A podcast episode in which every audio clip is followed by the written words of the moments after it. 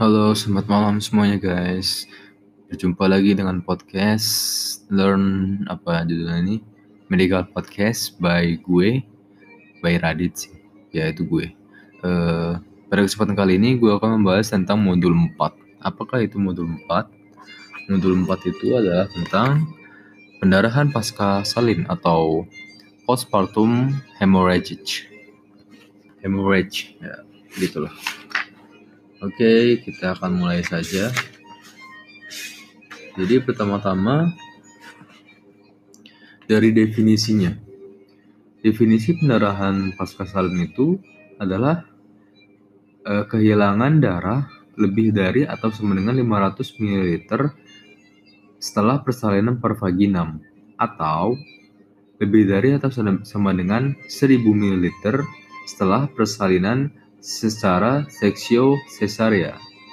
Jadi intinya adalah PPS itu adalah kehilangan darah. Kehilangan darah ini dibagi menjadi dua. Ada yang secara persalinan pervaginam, ada yang secara seks seksio cesaria. Kalau yang pervaginam itu lebih dari atau dengan 500 ml kehilangan darahnya.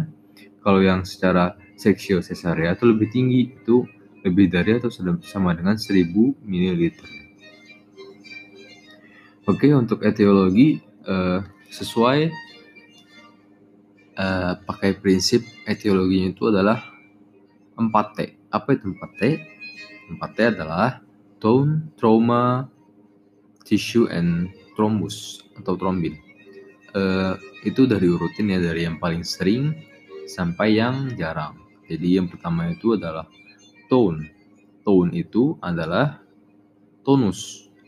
Jadi uterusnya mengalami atonia. Jadi, untuk itu, maka eh, ntar nyambungnya ke tata laksana jadi. Oke, jadi eh, yang pertama itu tone, jadi uterus mengalami atonia. Nah, atonia itu apa? Ketidakmampuan uterus untuk berkontraksi setelah plasenta lahir. Jadi uterus itu gak bisa kontraksi itu penyebabnya macam sih bisa kebanyakan mungkin bisa up, uh, abnormalitas dari genetik itu bisa harus kayak reseptor reseptor reseptor di apa uterusnya kayak prostaglandin segala macam buat apa biar uterusnya itu bisa berkontraksi. Kan ada ada reseptor hormonal gitu loh jadi kayak itu juga terganggu kalau enggak kayak karena apa juga bisa gitu Nah, yang kedua itu adalah trauma. Trauma itu eh, angka kejadiannya adalah 20% kasus PPS disebabkan oleh trauma. Apa trauma itu? Trauma itu bisa berbentuk seperti laserasi atau laserasi apa ya? E, lecet bukan mesti robekan, lebih ke, ke robekan sih kalau laserasi. Laserasi itu robekan, bisa robekan e, cervix, vagina atau perineum perluasan laserasi pada seksio cesarea. Jadi uh, seksio cesarea juga bisa mengalami apa ya? Uh, robekan jadi robekannya jadi nambah luas gitu. Makanya kayak sebenarnya seksio, seksio cesarea itu sangat disarankan bila ada indikasi saja. Nggak nggak baik sebenarnya kalau apa di seksio cesarea kayak gue pengen nih di sesar aja gitu kayak ya emang enak sih kayak apa ya mungkin lebih nggak ada sakit nggak perlu repot-repot ngeden segala macem ya. Tapi kayak uh, di samping itu benefitnya tuh lebih kecil dibandingkan resikonya. Karena setelah seksio cesaria ya nggak tahu sih kalau misalnya ada kemajuan teknologi cuman secara yang dari gua gua gua baca itu uh, seksio itu kalau misalnya nggak ada indikasi ntar di kehamilan selanjutnya itu bisa jadi masalah bisa jadi terjadi retensio placenta, segala macam pendarahan, baik itu antepartum, intrapartum atau postpartum gara-gara seksual sesarea tanpa indikasi gitu. Nah, btw gue ngoceh gini ya apa ya? Cuman pengen eh, pengen menegaskan gitu kalau nggak ada indikasi itu ya ya sebenarnya soka ini buat kita sih maksudnya mungkin biar kalian juga bisa mengedukasikan gitu dan gue juga baca itu juga baca dari buku-buku sih karena kayak seksual cesarea tanpa indikasi itu emang kayak kurang baik gitulah intinya. Maaf ya kalau gue ada salah karena gue kayak mencoba apa yang ada di pikiran gue dan apa yang gue tangkep dan ya kalau itu masih masih masuk logika and logis why not gue sharing gitu. Dan gue terima sih kalau kalian mau memperbaiki ada kata yang salah nggak masalah bagi gue uh, jadi untuk ah gue selalu pengen bahas dari etiologi ini ke penanganan. Jadi kayak kayak nyambung gitu. Cuman kayak biar defek defek patkin patkis biar ngurut lah ya biar enak. Uh, selanjutnya itu adalah tisu. Tisu 10% kasus. Uh, tisu di sini maksudnya adalah jaringan bukan tisu basah tisu kering gitu. Tisu kering. Oke okay, lanjut jadi jaringan jaringan jaringan apa jaringan plasenta yang tersisa jadi bisa plasenta yang tersisa kayak kotiledonnya bisa juga retensi dari produk konsepsi gitu Nah, yang terakhir itu adalah trombin. Trombin di sini itu berarti adalah abnormalitas daripada koagulasi. Mungkin bisa kurang faktor koagulasi atau ada something wrong dengan koagulasinya gitu itu harus dicek gitu itu satu persen kasus ya guys nah oke okay. untuk etiologi cukup jadi gua akan ulang gua akan nge-recap yang etiologi itu terdiri dari empat ya yang pertama tone itu atonia uteri. Yang kedua itu ada trauma berupa robekan atau laserasi. Yang ketiga itu tisu atau jaringan berupa retensi daripada placenta yaitu kotiledon bisa apa pun itu atau produk konsepsi juga bisa. Dan yang keempat adalah trombin yaitu eh, gangguan atau abnormalitas daripada pembukuan darah. Eh, selanjutnya faktor resiko. Faktor resikonya itu eh, dibagi menjadi beberapa. Yang sebelum pertama itu sebelum kehamilan. Sebelum kehamilan itu ada usia. Jadi kalau usia lebih dari 35 tahun itu bisa meningkatkan resiko terjadinya PPS atau uh, pendarahan pasca salin atau pendarahan eh postpartum pendarahan postpartum P3 atau juga bahasa Inggrisnya PPH postpartum hemorrhage. Nah, terus yang kedua itu sebelum kehamilan itu faktor risiko adalah obes. Orang obes juga menjadi risiko peningkatan terjadinya pendarahan berdasarkan PNPK juga. Itu ada di situ, guideline. Terus gemeli atau hamil ganda itu juga meningkatkan risiko sama riwayat sebelumnya. Jadi kalau sebelumnya pernah ada terkena PPS juga, itu bisa meningkatkan terjadinya PPS di kehamilan berikutnya. Terus uh, ada selama kehamilan. Selama kehamilan itu misalnya terjadi placenta previa atau terjadi preeklamsi atau terjadi retensio placenta. Itu juga bisa meningkatkan terjadinya PPS. Untuk saat kehamilan itu ada solusio placenta, kala tiga yang memanjang, persalinan lama. Persalinan lama itu apa sih? Persalinan yang lebih dari 12 jam. Dan demam saat persalinan biasanya itu lebih dari 38 derajat, itu bisa tanda-tanda dari infeksi, itu bisa menyebabkan terjadi PPS juga. Uh, kemudian ada episiotomi. Episiotomi itu apa? Episiotomi itu untuk apa ya? Hmm, ngebelek ngebelek pokoknya apa tindakan yang dilakukan untuk apa biar si jalan lahirnya itu enggak apa robekannya itu enggak sampai ke itu enggak enggak ke apa enggak ke anus jadi kayak kita buat buat sendiri robekan biar ngarahnya itu enggak ke sampai nyampe jadi malah apa robekannya jadi kayak apa yang ngomongnya jadi robekan itu ke anus gitu loh jadi malah jadi kacau gitu jadi intinya. Jadi kita buat episiotomi buat apa biar robekan itu ngarah ke situ kita arahin robekannya. Biasanya itu episiotomi yang dipakai itu episiotomi yang me, eh, episiotomi yang me, mediolateral nggak salah eh, terus kalau dari PNPK juga itu ada faktor risiko antepartum antepartum itu berupa abnormalitas uterus anemia dengan HB kurang dari 9 terus ada kelainan darah maternal. Terus kalau faktor risiko yang intrapartumnya ada inversio uterus, emboli cairan amnion, chorioamnionitis, trauma saluran genital. Terus untuk faktor risiko postpartum itu ada sisa konsepsi, DIC, distensi kandung kemih yang mencegah kontraksi uterus. Oh iya, untuk penjelasan apa sih placenta previa itu? Placenta previa itu adalah uh, terus apa terhalangnya jalan lahir karena placenta itu menutupi jalan lahir gitu. Terus preeklamsi itu apa? Preeklamsi itu uh, tekanan apa kumpulan kumpul apa lebih tepatnya ke hipertensi si hipertensi saat kehamilan tapi terdapat tanda-tanda uh, protein urea. Biasanya walaupun memang sekarang nggak harus sama protein urea juga bisa dianggap preeklamsi jika ada hmm, oke okay, gue belum baca pun dulu. Pokoknya umumnya klasiknya itu memang ada protein uri preeklamsi itu disertai dengan hipertensi itu definisinya sih. Terus retentio placenta uh, retentio placenta ini adalah uh, placentanya tuh nggak bisa apa nggak bisa keluar nggak bisa lahir karena dia macet bukan macet tersangkut ya retensi gitu. Apa uh, ya nggak bisa keluar bisa karena mungkin placenta akreta, inkreta, prekerta, macam-macam penyebabnya. Terus kalau misalnya solusio placenta itu dia placentanya itu dia keluar sebelum waktunya jadi bukan keluar lepas. Jadi masih ada janin.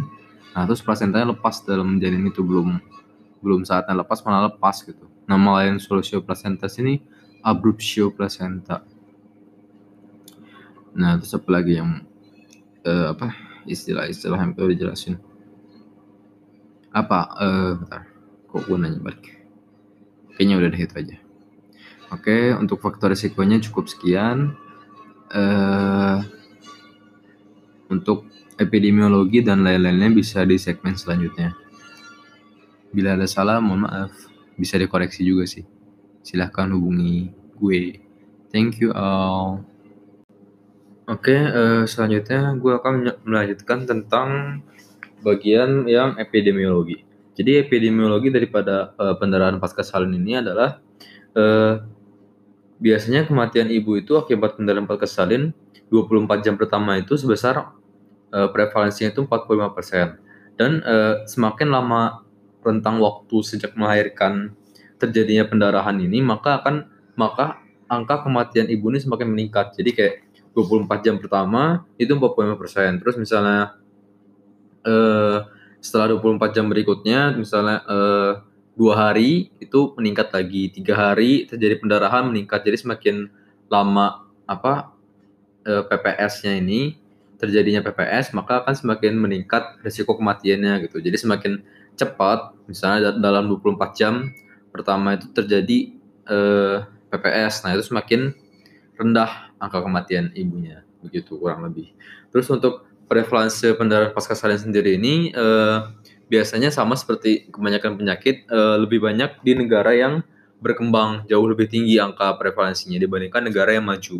Tentunya itu berhubungan dengan teknologinya sih sebenarnya sama uh, mungkin penanganannya lah uh, selanjutnya untuk klasifikasi klasifikasi daripada pendarahan pasca salin sendiri ini itu dibagi menjadi dua. Pertama itu pendarahan pasca salin primer dan ada pendarahan pasca salin yang sekunder.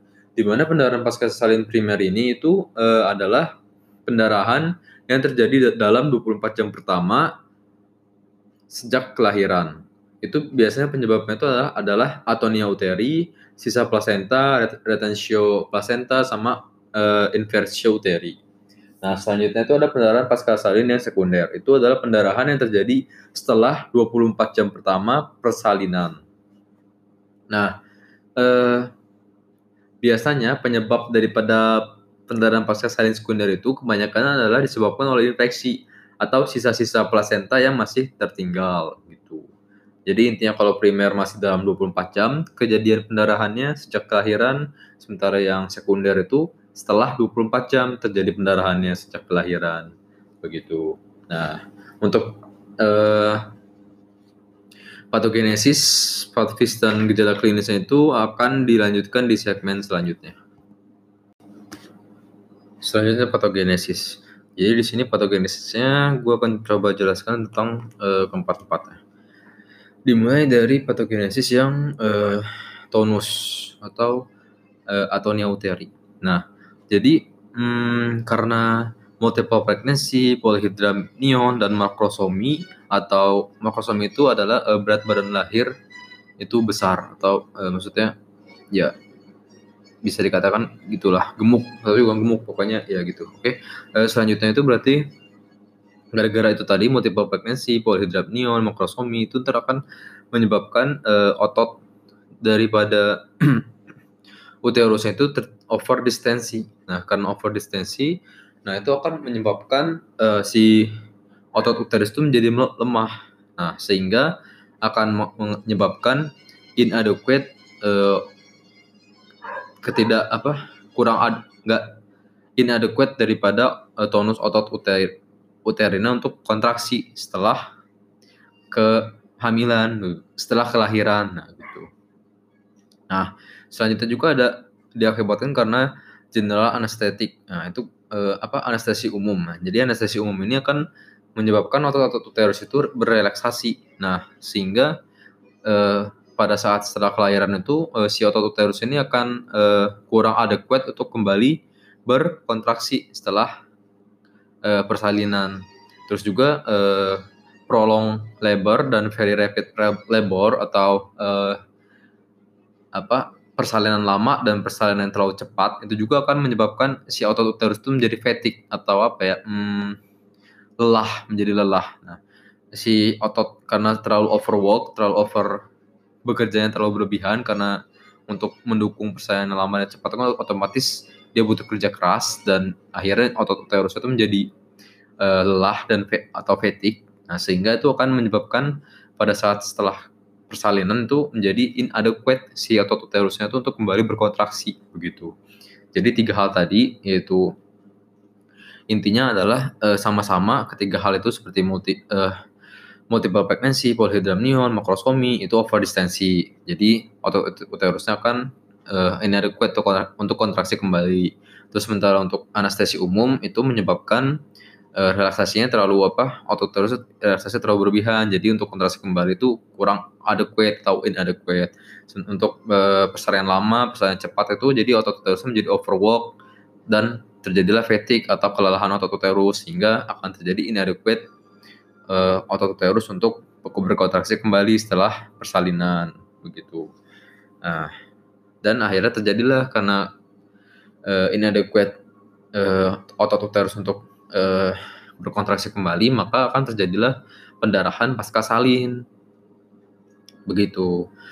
Nah, terus untuk trauma kedua yang paling sering trauma. Nah, trauma di sini itu uh, dikarenakan biasanya saat kehamilan itu uh, kalau dia tidak persalinan pervaginam yang spontan, uh, persalinan yang spontan atau uh, per, persalinan pervaginam dengan alat bantu itu akan meningkatkan resiko daripada trauma.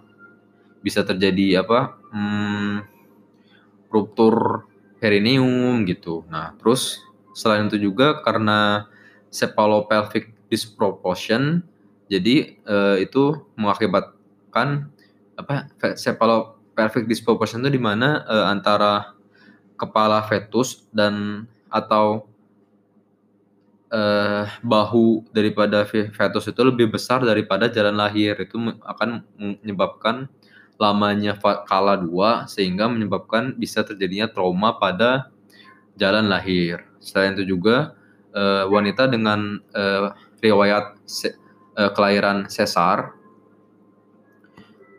eh, riwayat bukan kelahiran sesar riwayat melahirkan secara sesar itu bisa menyebabkan karena adanya uh, bisa menyebabkan peningkatan risiko trauma akibat daripada riwayat kelahiran apa riwayat melahirkan sesar itu. Sehingga bisa terjadi ruptur uterus dan menyebabkan uh, menyebabkan pendarahan. Begitu. Nah, terus untuk yang trombin, untuk yang trombin sendiri itu eh trombin itu paling sedikit ya berarti uh, sekarang jaringan dulu. Untuk yang tisu itu gara-gara uh, terjadi retention placenta pokoknya terjadi uh, apa sisa-sisa placenta terdapat di dalam uterus itu akan hmm, menyebabkan uh, uterusnya itu akan sulit untuk berkontraksi kembali karena masih ada placenta karena si yang berperan dalam uh, relaksasi uterus itu adalah salah satunya uh, hormon progesteron. Nah, reseptor-reseptor hormon progesteron ini itu akan kurang sensitif ketika si uterusnya kosong. Jadi kalau kurang sensitif, kurang sensitif maka akan terjadi eh, kontraksi itu dari dari maka tidak akan terjadi relaksasi lagi sehingga uterus itu kan kembali berkontraksi sehingga tidak akan terjadi pendarahan sementara karena ada sisa plasenta jadi nggak eh, kontraksinya itu akan kurang adequate karena ada sisa plasenta yang mencegah kontraksi daripada otot uterusnya sendiri akibat daripada sisa plasenta itu gitu nah kurang lebih eh, secara menyeluruh itu penyebab daripada pendarahan pasca salin keempat hal tadi, tone, trauma, tisu, dan trombus. Itu semuanya. Oh, untuk yang trombin belum gue jelaskan. Uh, yang trombin itu uh, karena ada preeklamsia itu ntar akan menyebabkan uh, endothelial damage menyebar ke uh, feto placenta apa ke placenta pembuluh darah yang berada di uh, plasenta. Nah, itu ntar mengakibatkan uh, berlebihnya eksposur terhadap faktor jaringan. Faktor jaringan ini berperan dalam uh, koagulasi. Nah, selain itu juga, selain preeklampsi juga ada placenta abruptio atau solusio placenta. Nah, ini akan menyebabkan terjadinya kerusakan pada fetoplasenta tisu, jaringan fetoplasenta juga akibat kerusakan itu sehingga menyebabkan berlebihannya eh, tereksposur faktor jaringan. Nah, karena faktor jaringan berperan terhadap koagulasi. Kalau faktor jaringan terlalu berlebih, maka akan terjadi DIC otomatis. Nah, terjadi DIC, maka akan terjadi uh, penurunan daripada trombin sehingga peningkatan PT APTT dalam pemeriksaan penunjangnya. Terus juga karena itu meningkat, PT dan APT meningkat, otomatis akan terjadi uh, abnormalitas koagulasi daripada maternal sehingga terjadilah pendarahan pasca salin begitu atau juga bisa karena gara eh, si ibunya itu punya riwayat eh, koagulasi eh, riwayat koagulopati seperti von Weber disease. Nah, itu juga bisa menyebabkan terjadinya pendarahan pasca salin gitu kurang lebih. Nah, untuk gejala klinisnya ini sebenarnya eh, dinilai itu tergantung daripada berapa banyak volume darah yang keluar atau eh, jadi yang dinilai daripada gejala klinis itu seperti tanda-tanda shock, pucat, nadi, nadi cepat, tensi rendah, ekstremitas dingin, itu yang dinilai daripada pendarahan. Untuk gejala klinisnya otomatis yang dinilai itu pendarahan pasti ya tanda-tanda shock yang muncul gitu kurang lebih. Nah, eh, untuk selanjutnya itu pemeriksaan penunjang itu akan dijelaskan di segmen selanjutnya. Apabila ada salah di patgen faktis GK, eh, mohon dikoreksi, tapi kurang lebih untuk PPS itu uh, penjelasannya itu patgennya kayak gitu secara luas dan uh, inti pokoknya secara intinya begitu gitu. sekian terima kasih untuk pemeriksaan penunjang yang perlu dilakukan dalam kasus pendarahan pasca salin ini itu diperiksa uh, hematologi rutin atau complete blood count, terus ada blood typing dan uh, cross match itu untuk fungsinya gunanya itu untuk uh, kalau kalau perlu transfusi darah itu maka dilakukan blood typing dan uh, cross match biar tidak terjadi apa koagulasi apa tidak terjadi penolakan uh, transfusi gitu. Uh, penolakan transfusi itu maksudnya ya, penolakan di tubuh gitu. Uh, terus uh, bisa dicek juga karena uh, si pendarahan pasca saya ini bisa disebabkan karena gangguan koagulasi, bisa dicek faktor-faktor koagulasi seperti uh, FDP, D-dimer, fibrinogen, juga bisa dicek PTA-PTT gitu. Terus uh, di sini juga bisa dilakukan pemeriksaan USG untuk memantau kondisi janinnya. Sebenarnya uh, kurang lebih itu. Terus uh, pemeriksaan penunjang ini diperlukan karena kalau yang layan-layan trauma itu bisa dilihat dari uh, inspeksi uh, sama bisa dilakukan apa pakai spekulum eh, ya nggak harus spekulum juga sih kalau misalnya ada trauma bisa dicek lah bisa dilihat terus kalau untuk jaringan ya juga kan bisa dilakukan uh, evakuasi jaringan itu kan bisa di ini pemeriksaan jadi kurang lebih pemeriksaan penunjangan itu tadi aja selanjutnya itu adalah uh, penata laksanaan untuk penata laksanaan itu e, biasanya dilakukan dengan prinsip uh, hemostasis. Uh, hemostasis itu apa sih? Pertama itu adalah help, help itu asking for help. Jadi uh, meminta bantuan-bantuan daripada rekan-rekan uh, medis yang lainnya. Terus uh, akses, akses ini tuh untuk menilai tanda-tanda uh, vital, terus menilai uh, kehilangan darahnya itu seberapa banyak dan melakukan resusitasi. Nah, terus yang ke selanjutnya itu adalah E. Uh, e sini ada establish. Establish ini itu establish etiologi, uh, ensure availability of blood dan ecbolic. Jadi uh, menegak apa menegakkan etiologi itu apa penyebabnya, terus memastikan ketersediaan uh, tra buat transfusi darah dan uh, ecbolic. Ecbolic itu adalah uh, untuk hmm, bila terjadi uh, atonia. Jadi ecbolic itu meliputi oksitosin dan ergometrin gitu. Terus untuk kan hemostasis M. M itu berarti message uterus. Nah, jadi masa masa uterus ini berfungsi untuk uh, biar tonus uterusnya itu meningkat. Jadi di masa uterusnya buat atonia uterus penanganannya. Terus selanjutnya O, O di sini oksitosin infus atau prostaglandin di mana oksitosin infus ini 40 unit oksitosin dalam 500 cc normal salin dengan kecepatan 125 cc per jam. Itu berdasarkan guideline PNPK. Terus eh, hemostasis S. S yang pertama itu eh, shift to theater atau bila pendarahan atau artinya itu bila pendarahan yang berlebih dan dan nggak bisa ditanganin masih tetap tetap terjadi itu silahkan di, eh, dibawa atau dievakuasi pasiennya ke ruang operasi. Terus selanjutnya ada T, tamponade balon. Nah, tamponade balon ini berfungsi untuk uh, apa? menghentikan pendarahan dengan cara menggunakan uh, tekanan.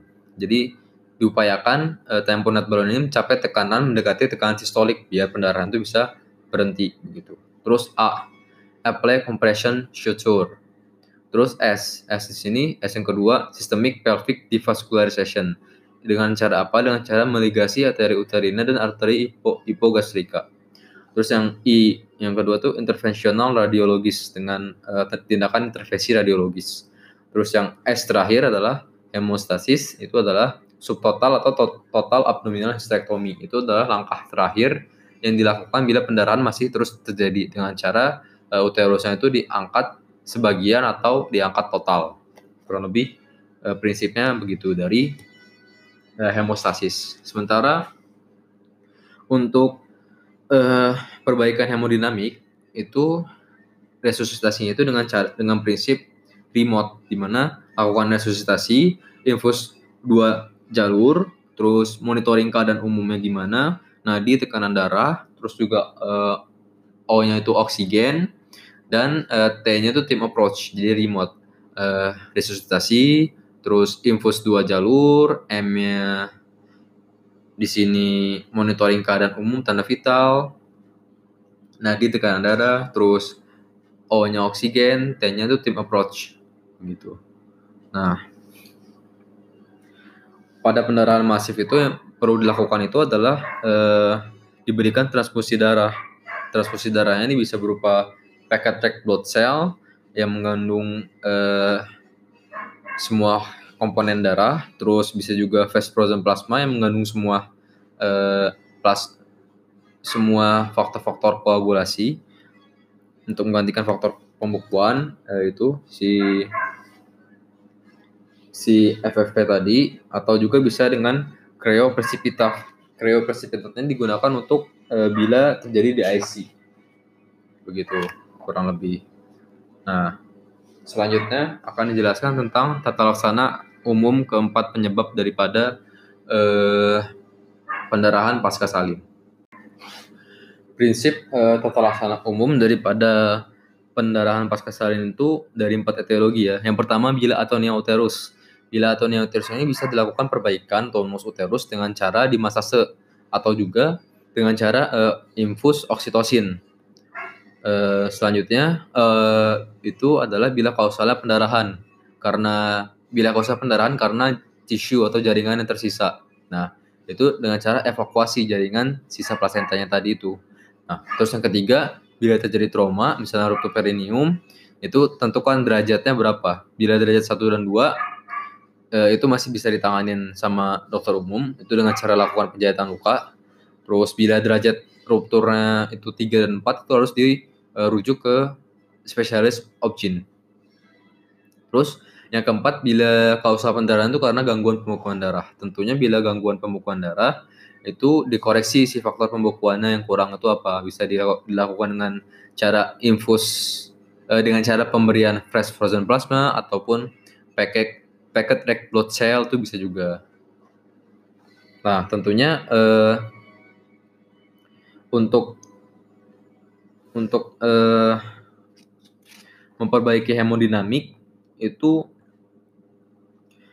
infusnya itu bisa ditangani dengan e, pemberian ingat laktat ataupun normal salin biar e, selain daripada transfusi darah tapi emang lebih bagus direkomendasikan e, kalau misalnya emang masif itu direkomendasikan transfusi darah dan ya dibandingkan infus normal salin ataupun dengan laktat RL.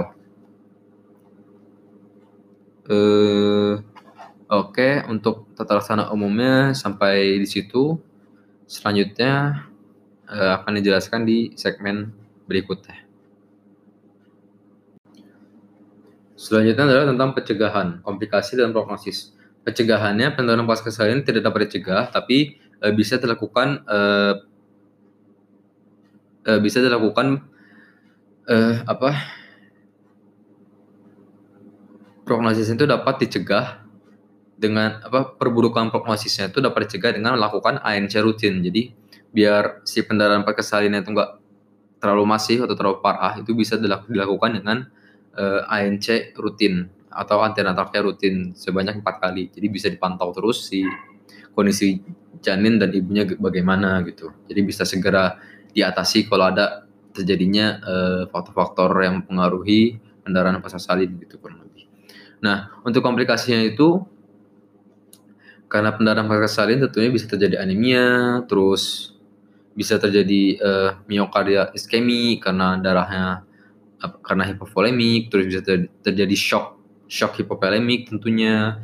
Terus itu karena uh, terlalu banyak darah yang keluar itu bisa terjadi fatigue atau uh, kelelahan.